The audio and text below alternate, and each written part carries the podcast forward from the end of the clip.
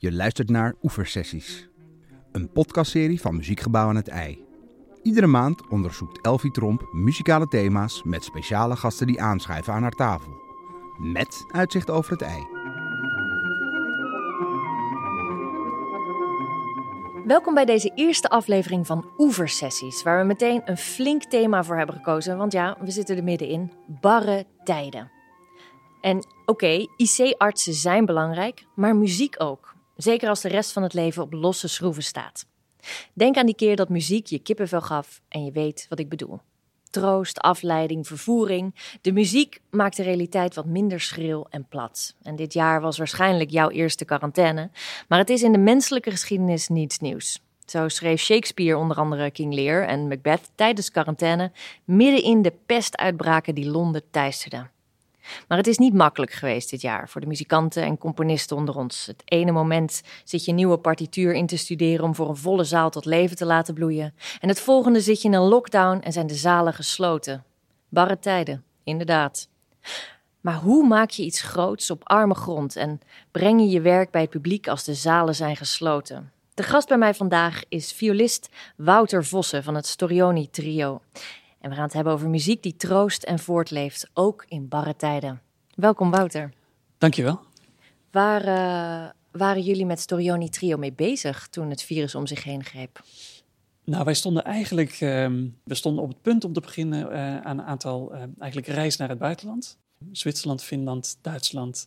Die zijn dus allemaal gecanceld helaas. Oh jee, en is dat nog iets wat hernomen gaat worden? Of, ja? ja, kijk, als ik heel eerlijk ben, dan hmm. um, er is een hoop de agenda is nu heel erg leeg, uh, maar er is een hele hoop uh, verplaatst. En dat is heel fijn dat ja, eigenlijk uh, je partner zeg maar, aan de overkant dat hij die verantwoordelijkheid heeft genomen. Hè. Dat is bijvoorbeeld een hele grote Aziatische tournee, die wordt een jaar uitgesteld. Ehm, het bezoek aan Finland is een jaar uitgesteld, dat soort dingen. Dus daar zijn we eigenlijk heel, heel gelukkig mee. En dat is dan de, de, nou ja, de zakelijke kant. Ja. hoe, hoe ging je er persoonlijk mee om? Ja, ik heb zelf gemerkt, en dat verbaasde mij wel een beetje, um, dat ik er veel persoonlijker op reageerde, zeg maar. Als in niet als muzikant, maar meer als vader, echtgenoot. Ja, dat ik deze hele crisis eigenlijk meer zo heb beleefd dan als muzikant. Dat verbaasde mij wel. Ah, ja. en is dat dan een positief iets dat die twee samenkwamen of tot één persoon? Of... Het is in ieder geval duidelijk. Ik heb veel uh, muzikantenvrienden die uh, zich gevangen voelden in huis, omdat ze niet konden optreden, omdat ze uh, inderdaad een druk tourneeschema hadden, elke avond ergens anders. Ja. en nu zit je avond aan avond op de bank tussen je kinderen. Ja, ja ik, ik vond het heerlijk. Met vrouw en hond. Je vond het heerlijk. Ja, ik ben een soort huismus. Dat mag je eigenlijk niet toegeven. Ja, natuurlijk wel. Ja. nee, ik ben een soort huismus wat dat betreft. En ik, ik, ik ben heel veel op pad. Het zij in Nederland of, of ver daarbuiten. En ik ben altijd blij als ik weer naar huis kan komen. En dit was eigenlijk voor mij een beetje een, een fase die, ja, als ik zeg op een goed moment kwam, uh, klinkt een beetje raar, want het was natuurlijk heel serieus, de reden erachter. Maar het was wel een soort moment waarop we even stil konden staan. En even goed konden beseffen van, nou, waar zijn we nou allemaal mee bezig? En willen we daar straks ook weer mee verder gaan? Nou, en op sommige dingen zeg je dan volmondig ja, daar willen we snel weer mee verder gaan. En andere dingen ook wel dat je denkt van, hé, hey, laten we dat eens uh, nog eens overdenken. Ja, want het Storioni Trio is eigenlijk een begrip. Jullie bestaan al een flink aantal jaren. Ja, bijna 25. Ja. Het komend seizoen. En wat heb je besloten los te laten? Nou, het, het gaat meer om... Um, uh, in, in mijn geval heel simpel om, om een beetje prioriteit te gaan stellen. Um, een volle agenda is één ding, een overvolle agenda is weer iets heel anders.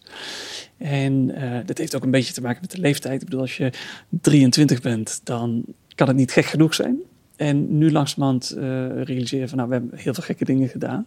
En uh, misschien is dat iets voor de volgende generatie. Maar heb ik ook wel wat meer zin om wat meer tijd door te brengen met bepaalde onderwerpen of met bepaalde componisten of ja, eigenlijk die hoek moet je dan indenken.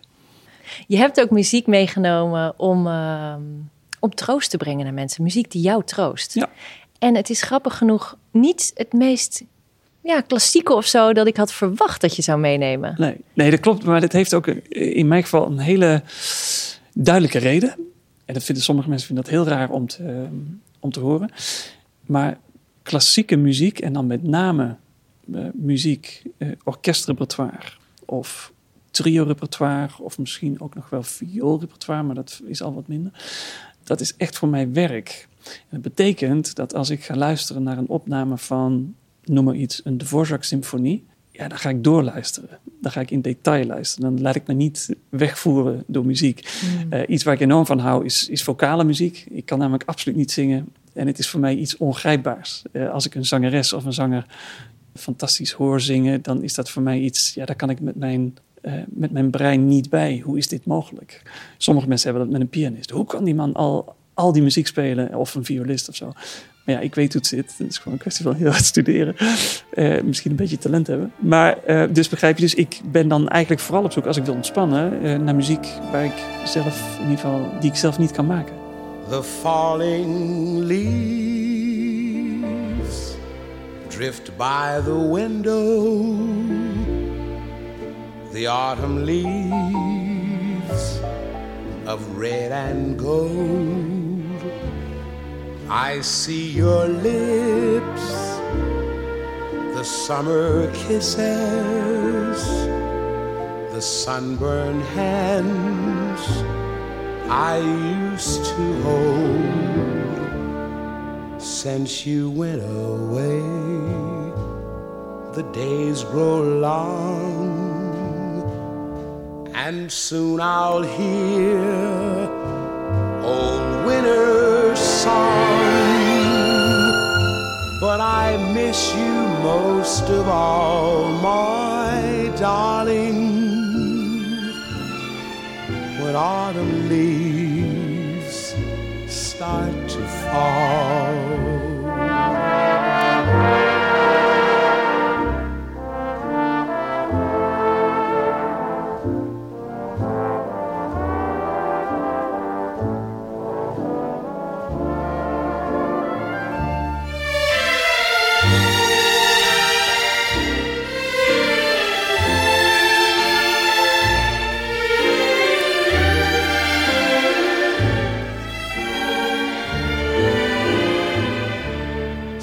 Since you went away, the days grow long, and soon I'll hear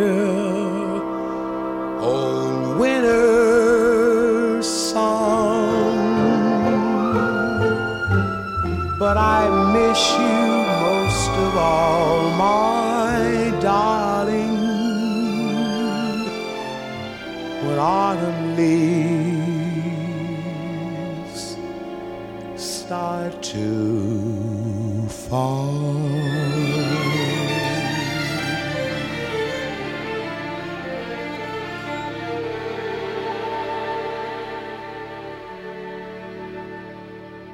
Wouter, je hebt een keer in een interview gezegd: Wat ik nastreef is de vrijheid van een zanger. Er is tussen hem en de muziek geen instrument. Is Nat King Cole zo'n voorbeeld daarvan? Ja, voor, mij wel. En dat zeg ik uh, zonder specifieke kennis over zangtechniek of zo. Maar je krijgt heel erg het gevoel dat hij uh, muziek zingt. Eigenlijk echt heel puur op zijn manier. En voor een instrumentalist, een violist of een hoboïst of een klarinetist of om het even, moet je heel ver, van heel ver komen voordat het instrument geen barrière meer is. Klinkt misschien raar, uh, maar ja, om bij de muziek te komen, soms kan het hand in hand gaan hoor. Dat je zegt, oh, dit is een heel moeilijk vioolconcert en daar ben ik heel erg op aan het studeren en ik kan het nu heel goed spelen. En ik ben ook met die muziek bezig. Maar op het moment dat je bij wijze van spreken die hele, dat hele technische obstakel heel ver achter je kunt laten en dat je ook alleen maar bezig bent met, oké, wat zit er in die muziek? Ik word niet beperkt door de viool of door de piano of andere omstandigheden. Dan wordt het natuurlijk echt interessant. Hmm. Dus misschien een basisvraag, maar hoe vind je als jongeling die muzikale aspiraties heeft je instrument? Want jij zegt, ik, ja. ik verlang eigenlijk om te kunnen zingen, maar ja. ik kan het niet. Nee, dus dat niet. betekent dat je het wel hebt geprobeerd, misschien, uh, stiekem ergens Nou, ik heb vroeger gezongen toen ik bij wijze van spreken vier jaar oud was. Hè? Mm. Maar ik heb, ik heb altijd uh, violist willen worden. Misschien is dat een gebrek aan fantasie of, of van wat. Mm. Ik heb nooit gedacht, uh, ik zou heel graag advocaat willen worden. Nee, het is ook altijd violist geweest. En um, het is ook zo, hè, als violist voor veel mensen is dat niet zo duidelijk. Maar als violist heb je ook heel veel verschillende facetten in dat vak wat je kunt gaan doen. Heel interessant. Wouter, je vertelde me net dat uh, je in de quarantaine eigenlijk uh, de familieman Wouter Vossen hebt verenigd met de muzikus Wouter Vossen. Ja. Dat je hebt eh, gekozen voor eh, minder gekkigheid. Ja. Nou, even, even voor mij, wat is eh, iets wat je hebt gedaan in je carrière dat je nooit meer gaat doen? Nou, dat is heel simpel. Dat heeft bijna altijd te, te maken met planning en met reizen. Het is eigenlijk zo, Jojo Ma die zei ooit wel eens, het is of hollen of stilstaan. Hmm. En de afgelopen twintig jaar was het vooral rennen. Heel Ja. hard rennen. Ik kan me nog één vlucht uit Azië herinneren. Landen op Schiphol om een uur of zes en om tien uur in Eindhoven op een repetitie verschijnen met eh, jetlag en alles erop en aan. Of een avondconcert in Krakau en een nachttrein naar Warschau en een vroege ochtendvlucht naar Brussel en dat soort dingen. Eh, ja, dat, dat zijn dingen, nou ja, dus zoals ik al zei, die doe je als je 23 bent of misschien 32 bent. Maar dat, dat is niet verstandig. Dus eh, kun je een tijdje doen, maar dat moet je nu gewoon even zeggen van nee, dat is niet, niet slim. Duidelijk. Ben je ook andere dingen gaan spelen in deze quarantaine? Ja, ja het is dus zo dat. ehm, waarschijnlijk heb ik ook nog 30 seconden gedacht van, oh, er komt een quarantaine aan. Nu ga ik alle sonates en partitas van Bach eh, opnieuw leren of zoiets. Maar dat heb ik dus niet gedaan. Ik ben naar Nat King Cole gaan luisteren, trouwens ook Whitney Houston. Maar op een gegeven moment kwam er een, ehm, een verzoek van de artistiek directeur van het Residentieorkest, waar ik natuurlijk eh, de concertmeester, een van de twee concertmeesters ben, om toch weer een eerste productie te doen. Het, eh, alle orkesten zijn gestopt met werken en hij vroeg ons toen eh, specifiek om met vijf aanvoerders het langzame deel van het strijkquintet van Bruckner te spelen. En nou heb ik heel veel Bruckner gespeeld als concertmeester. Dat zijn grote symfonieën, laat romantisch repertoire. Eh, maar Bruckner, Bruckner heeft enorm weinig kamermuziek geschreven. En misschien is dit wel zelfs het enige stuk van hem. Ik weet het niet 100% zeker. En het is zeker een stuk wat ik normaal gesproken niet op mijn repertoire eh, had gezet. En nu heel specifiek wel. Het is erg mooi. Het is echt eh, prachtige muziek.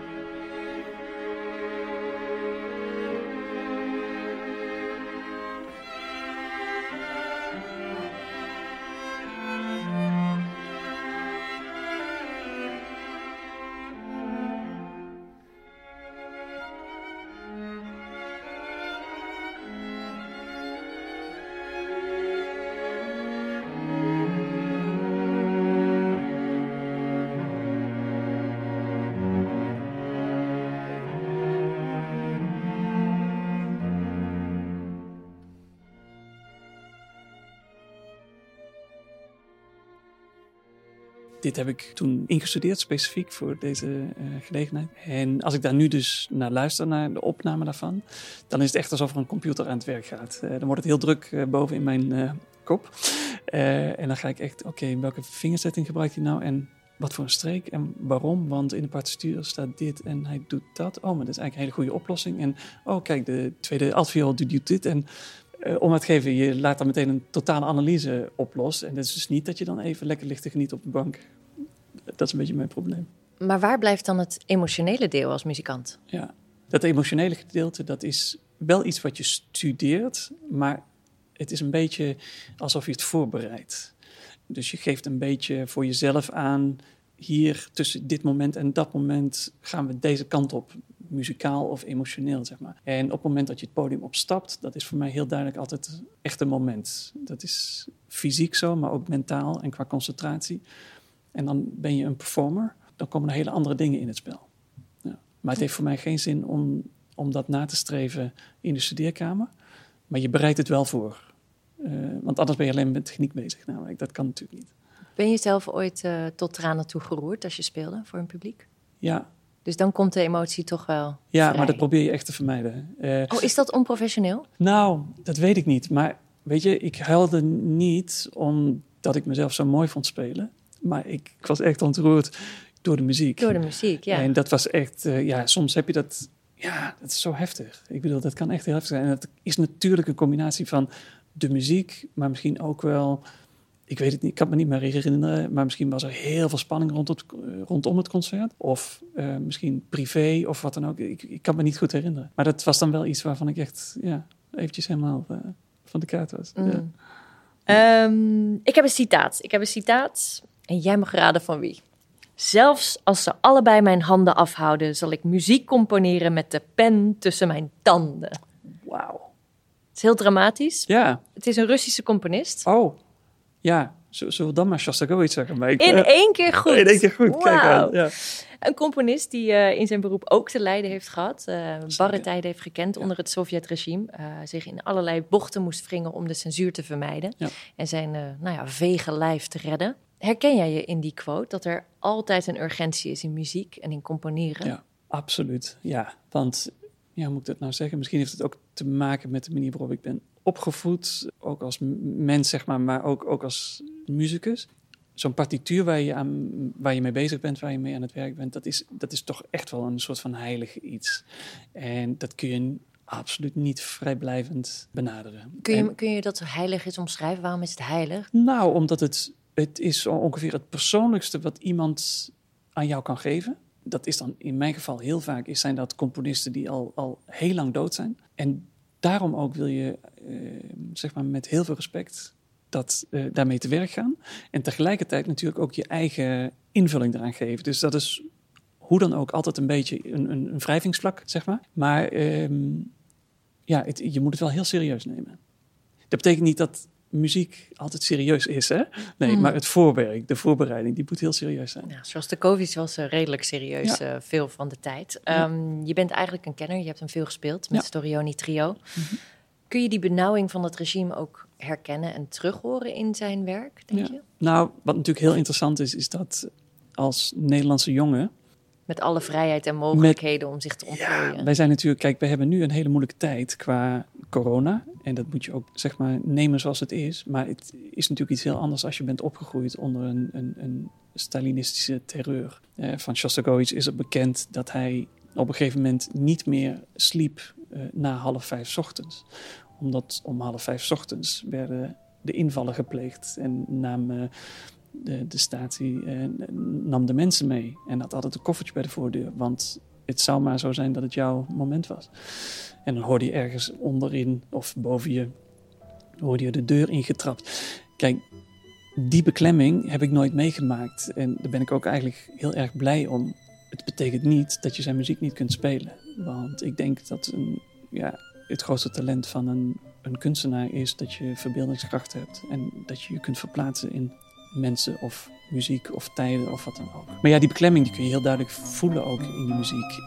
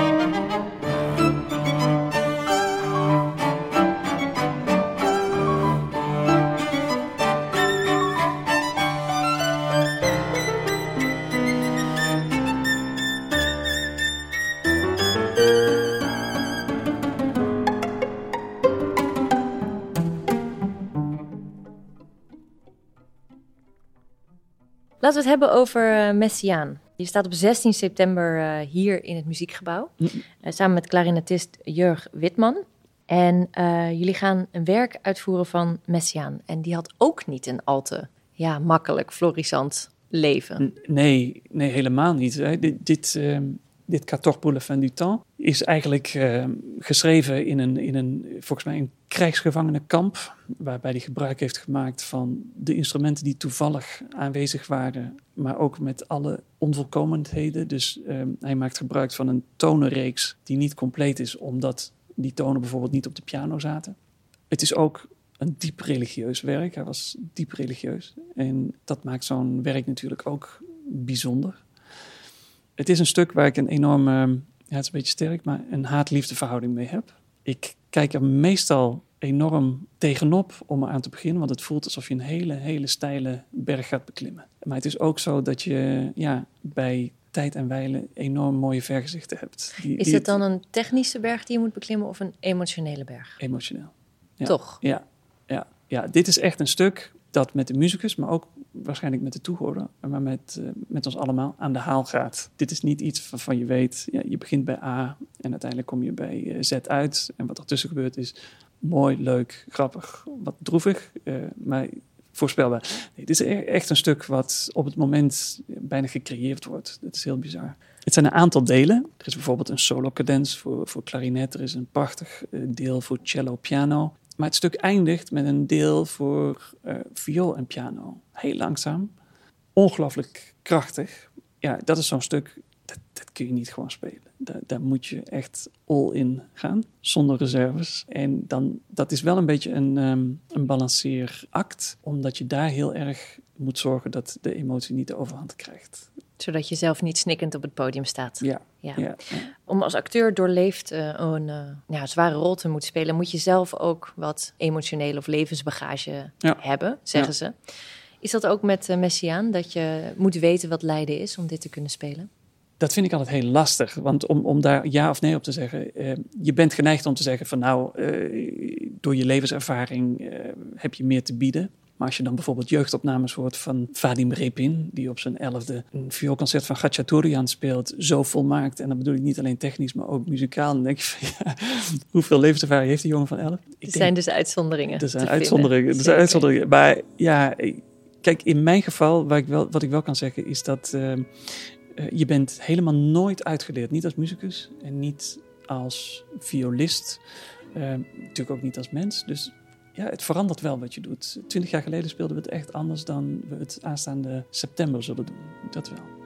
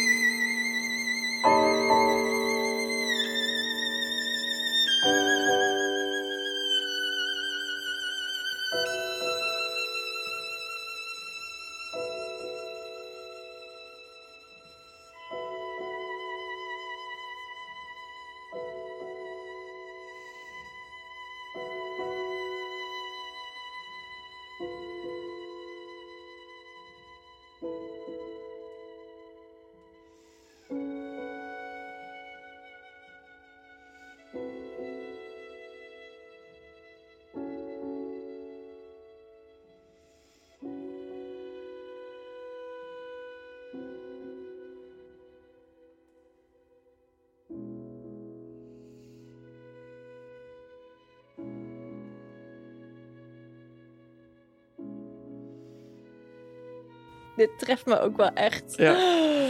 in de borst. Ja, Ja, ja, ja, dit dit is is, echt eh, een... eh, Dit is heel heftig. Je zei dat je dit nu eh, anders speelt dan 20 jaar geleden. Wat ga je in september hier aanpassen aan eerdere versies? Nou, het grote verschil is dat we hebben het vaker gespeeld nu. En dat is echt niet een stuk wat je dan in een seizoen 13 keer gaat spelen of zoiets. Maar het is wel zo dat je het een seizoen vaker speelt en dan weer drie seizoenen niet en dan weer vaker. En je hebt, het, je hebt er goede ervaringen mee gehad, minder goede ervaring op een festival met te weinig repetitie of met een clarinetist waar je niet helemaal, of nou, noem maar op. Dus eigenlijk is het grote verschil zit erin dat je, je, je, hebt, je hebt, bent op reis geweest met, met het stuk en je weet waar je aan begint. Terwijl ik kan me nog heel goed herinneren, de eerste paar keer dat ik dit speelde, ja, begon je daar gewoon aan zonder heel duidelijk te weten wat de spanningsboog is over het hele stuk. En dan zat je meer van, oké, eerste deel, oké, ging goed. Nou, tweede deel, oké, nou, oh, derde deel, oh, dat is klarinet alleen, oh, prima, vierde deel. Weet je zo. En nu is het meer, ja, je ziet het als geheel. En eh, het is een heel bijzonder stuk. Het mag trouwens ook van de familie van Messiaen niet afzonderlijke delen uitgevoerd worden. Alleen als geheel, dat is heel apart. Waarom is dat? Ja, waarschijnlijk ook omdat, het, om- omdat zij niet willen dat het, het verhaal onderbroken wordt. Hmm. Ja. Het is een heel spectrum aan beleving eigenlijk. Ja. Ja. Ik mocht van mijn moeder eigenlijk nooit eh, verdrietige muziek luisteren, want dan zei ze, daar word je maar depressief van. Is er een grens aan eh, het spelen van beladen, zware muziek als dit? Voor jou? Ja, voor, voor mij, nou, weet je, er, er is gewoon een heel praktisch iets. Hè. Ik ben natuurlijk uiteindelijk een uitvoerend kunstenaar. En ten dele kun je zelf suggesties doen. Ik zou graag dit willen spelen. Maar ten dele is er natuurlijk ook gewoon iemand die voor jou besluit... we willen je graag uitnodigen met dit programma. Of het orkest dat zegt, we spelen vandaag Mahler 2. Hè. Dus daar, daar heb je zelf niet altijd invloed op. Ehm, eh, als je het kunt kiezen, ja, dan ben je wel op zoek naar ook een, een wat consequente lijn, zeg maar. Dus voor jezelf, het kan soms ook door seizoenen heen gaan. Dat je zegt, we willen nu alle Beethoven pianotrio's veel gaan spelen. Of ehm, ja, we, we gaan ons focussen op nou, Russisch romantisch repertoire, ik zeg zo maar iets. Ehm, dus dat, dat, dat kan er wel zijn. Maar op zich om te zeggen, ja, dit is treurig, dus vandaag heb ik geen zin eh, in treurig. Ja, dat is een lastige. Snap ik, snap ik. In deze barre tijden lag de muziek niet helemaal stil hier in het muziekgebouw. Zo werden de twaalf composities Music for Empty Spaces hier gemaakt. Speciaal gecomponeerd voor het muziekgebouw aan het IJ. Muziek, jawel, de titel zegt het al, voor de lege zaal, want er mocht niemand bij. Hm. Ik wil dit even met je delen. Een van de eerste concerten die hier weer werd opgevoerd. Het is eind mei opgenomen, zonder publiek.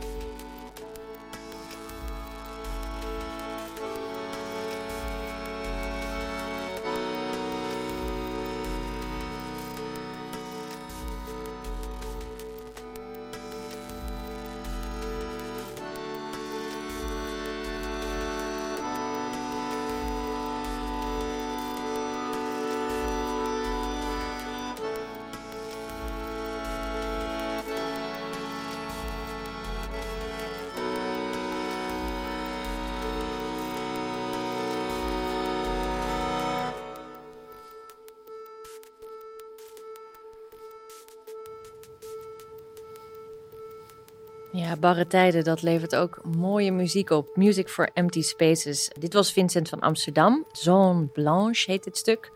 En we hebben uh, Music for Empty Spaces op de website staan van Muziekgebouw aan het IJ. Als u daar zin in heeft, ook op YouTube terug te zien. En de link staat ook in de show notes, moet ik even zeggen. Heb jij wel eens voor een lege zaal gespeeld? Uh, ja, vrij recent nog. Want ons, ons uh, geliefde Storioni Festival uh, ging voor een lege zaal. Ach. En dus we hebben um, vier dagen gestreamd. Ja, dat was begin mei. Dus dat was ook nog best wel diep in de coronatijd, zullen we maar zeggen. In Brabant. Dus ook niet echt de plek waar het toen um, heel makkelijk was. De hotspot. Ja, ja dat was, ja, was bijzonder. Het maakt mij trouwens niet zoveel uit. Hoe bedoel je? Dat maakt je niet uit. Of niet? Oh. Dat wil zeggen. Is er niet een wisselwerking met ja, het publiek? Dat ja. zeggen ze toch altijd? Ja, absoluut. Nee, er is wel toegevoegde waarde aan een volle zaal. Maar ik wil niet zo ver gaan dat ik zeg: voor een lege zaal kan het niet. Want die muziek uh, is toch het, het vervoermiddel. Van mij mag je alles zeggen. Je mag ook zeggen Ja. liever een lege zaal. Want dan Nee, heb je nee, eigenlijk nee, de perfecte akoestiek en geen kuchende types in de hoek. Nee, nee, nee, zo is het niet. Maar het is, het is niet zo dat het in een lege zaal niet kan. Waar hoop je op 16 september? Is dat ook de eerste keer weer met publiek dat je gaat spelen? Nee, eind augustus eh, gaan we weer eh, spelen. Hm. Ja, waar ik op hoop. Nou, het is een heel, heel mooi programma. Hè. We spelen een stuk van Jurk Wietman. Dat is een première van ons. Dat hebben we nog nooit gedaan. Dus dat gaan we nu in deze periode eh, instuderen. Maar wat betreft die Messiaen hoop ik weer een stapje verder te komen met het stuk. In mijn zoektocht naar ja, de muzikale waarheid van het stuk. En als je zegt, ik eh, hoop een stukje verder te komen, is dat dan technisch of toch Nee, Emotioneel. Nee, dat is, dat is inhoudelijk. Ja, inhoudelijk emotioneel? ja, Dus ja, ja, ja, ja, zeker. je gaat die berg beklimmen. Ja, ja, Ja, we gaan met je meeklimmen. Kijk er naar Leuk, uit. leuk. We zijn alweer aan het einde van de podcast gekomen. We eindigen met een stukje uit de programmering hier in het eh, muziekgebouw waarvan je zei, dit is echt prachtig. Dit Ja. moeten we horen, dit moeten we bezoeken. Ja. Waarom heb je dit eh, uitgekozen? Nou, sowieso eh, wil ik zeggen Amsterdam Sinfonietta. Ik vind dat een heel bijzonder orkest. Daar moet je je hoed voor afnemen. Dat sowieso is een heel hoog niveau van spel. Prachtige visie erachter, artistiek en noem maar op. Dus ik ben daar wel een fan van. Ze spelen nu een concert met Simone Lamsma. Geweldige jonge violiste. Bach en Pert. Dat is een mooie combinatie. Pert, bijzondere componist. Dus ja, dat zijn heel veel dingen die me aanspreken in zo'n programma. Waar je misschien niet alleen met je ratio naar luistert, maar ook met ja, je gevoel. absoluut, absoluut. Ja. Eh, Wouter, mag ik je bedanken? Ik, eh, ik kijk uit naar je optreden met eh, het Storioni Trio hier op 16 september. Ik wens je veel gevoel en mooie muziek toe in deze nou ja, toch barre tijden. Ik denk dat we wel hebben bewezen nu dat barre tijden toch ook mooie muziek voortbrengt. Absoluut. Ja. Ja. Dank je. De kop is eraf. Dit was de eerste aflevering van de Oeversessies. Het ging over muziek in barre tijden. Op 16 september staat het Storioni Trio in eh, het muziekgebouw aan het IJ. Op 15 oktober het Amsterdam Sinfonietta. En eh, nou, als u er nog geen, geen genoeg van krijgt, check dan vooral de website. Daar staan nog veel meer moois wat hier eh, de zaal gaat vullen. Als je mij een plezier wilt doen, abonneer je dan op de podcast. Maar je doet natuurlijk ook vooral jezelf een plezier ermee. Want je krijgt natuurlijk nooit genoeg van mooie muziek en mooie verhalen en mooie gesprekken. Tot de volgende aflevering. Dit was Oeversessies.